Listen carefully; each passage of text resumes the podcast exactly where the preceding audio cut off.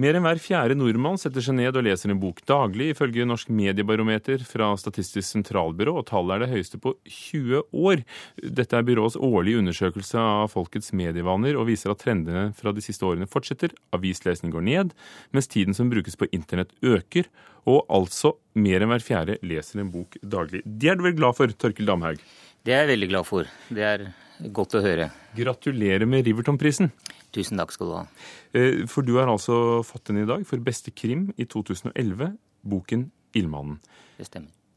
Den har jo solgt i, i over 20 000 eksemplarer, så mange har lest den. Men, men noen har ikke lest den. Hva handler den om?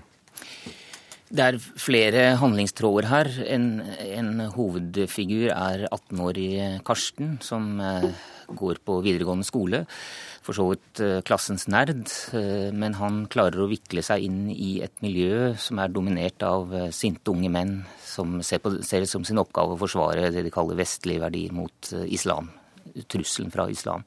I dette miljøet så befinner det seg også en brannstifter, og vi følger også denne brannstifteren fra åsted til åsted. Alle stedene som brenner ned, har noe med hans oppvekst å, å gjøre.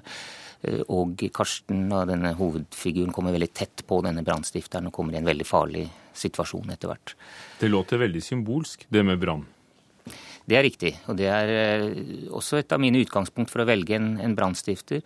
Uh, ild og brannstifting det er jo veldig farlig. Du kan ramme veldig mange mennesker. Og samtidig så har du mange uh, symbolske sider. Dette med ilden og ilden som noe rensende og noe som skal ødelegge noe for at noe nytt skal, skal, vokse frem. Så det har også vært en tanke underveis eh, her, at den symbolske siden ved, ved ild. Nå må jeg si det. Det som alle kritikere påpeker, eh, veldig ofte i hvert fall, når de, de leser dine bøker, nemlig at du også er utdannet eh, lege og psykiater. Du har også studert litteraturvitenskap.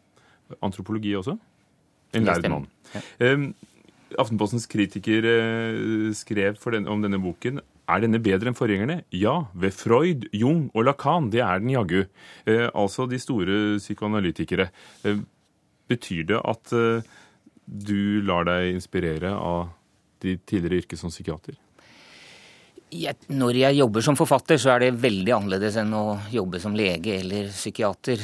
Eh, så jeg tenker ikke bevisst på at jeg bruker eh, noe av, av min altså legevirksomhet eller psykiatervirksomhet.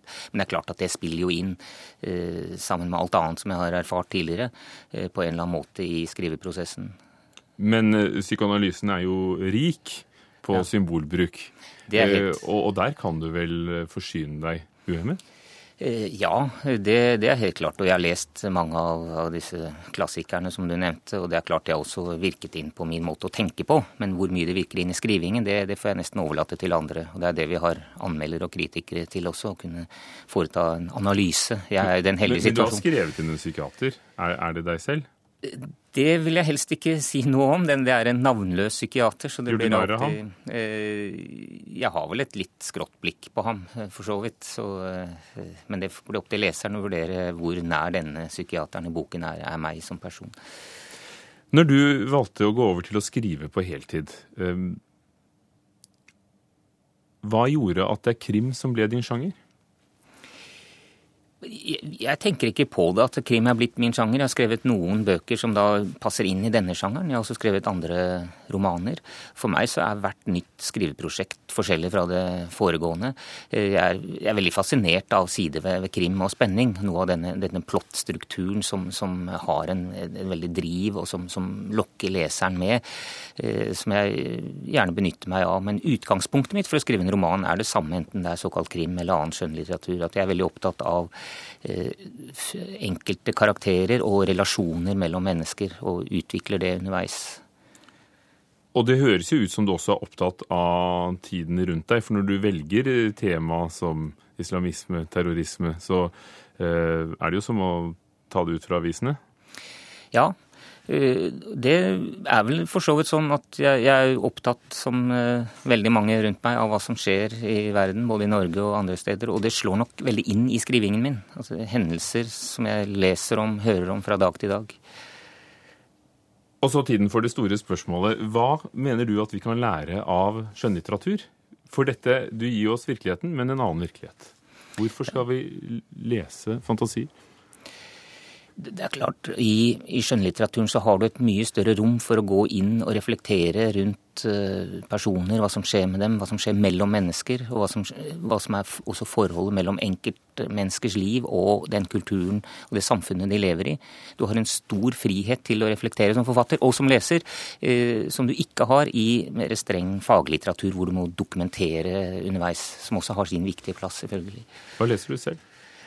Jeg leser uh, veldig mange ting. Ikke så mye krim som annen skjønnlitteratur. Uh, hvis jeg skal nevne én bok jeg har lest de siste par årene som har gjort stort inntrykk på meg, så er det Jonathan Fransons uh, 'Freedom', frihet, som er et veldig sterkt skjønnlitterært verk. Også politisk sterk litteratur, til min mening.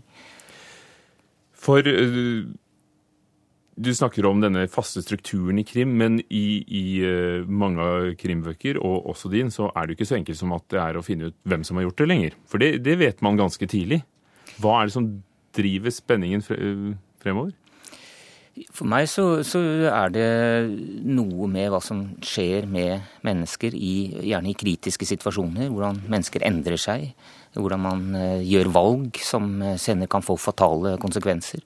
Det er noe av det aller mest fascinerende. Men det ligger noen overraskelser her i, plottet også, som, ja, vi, skal ikke ta som vi ikke skal røpe.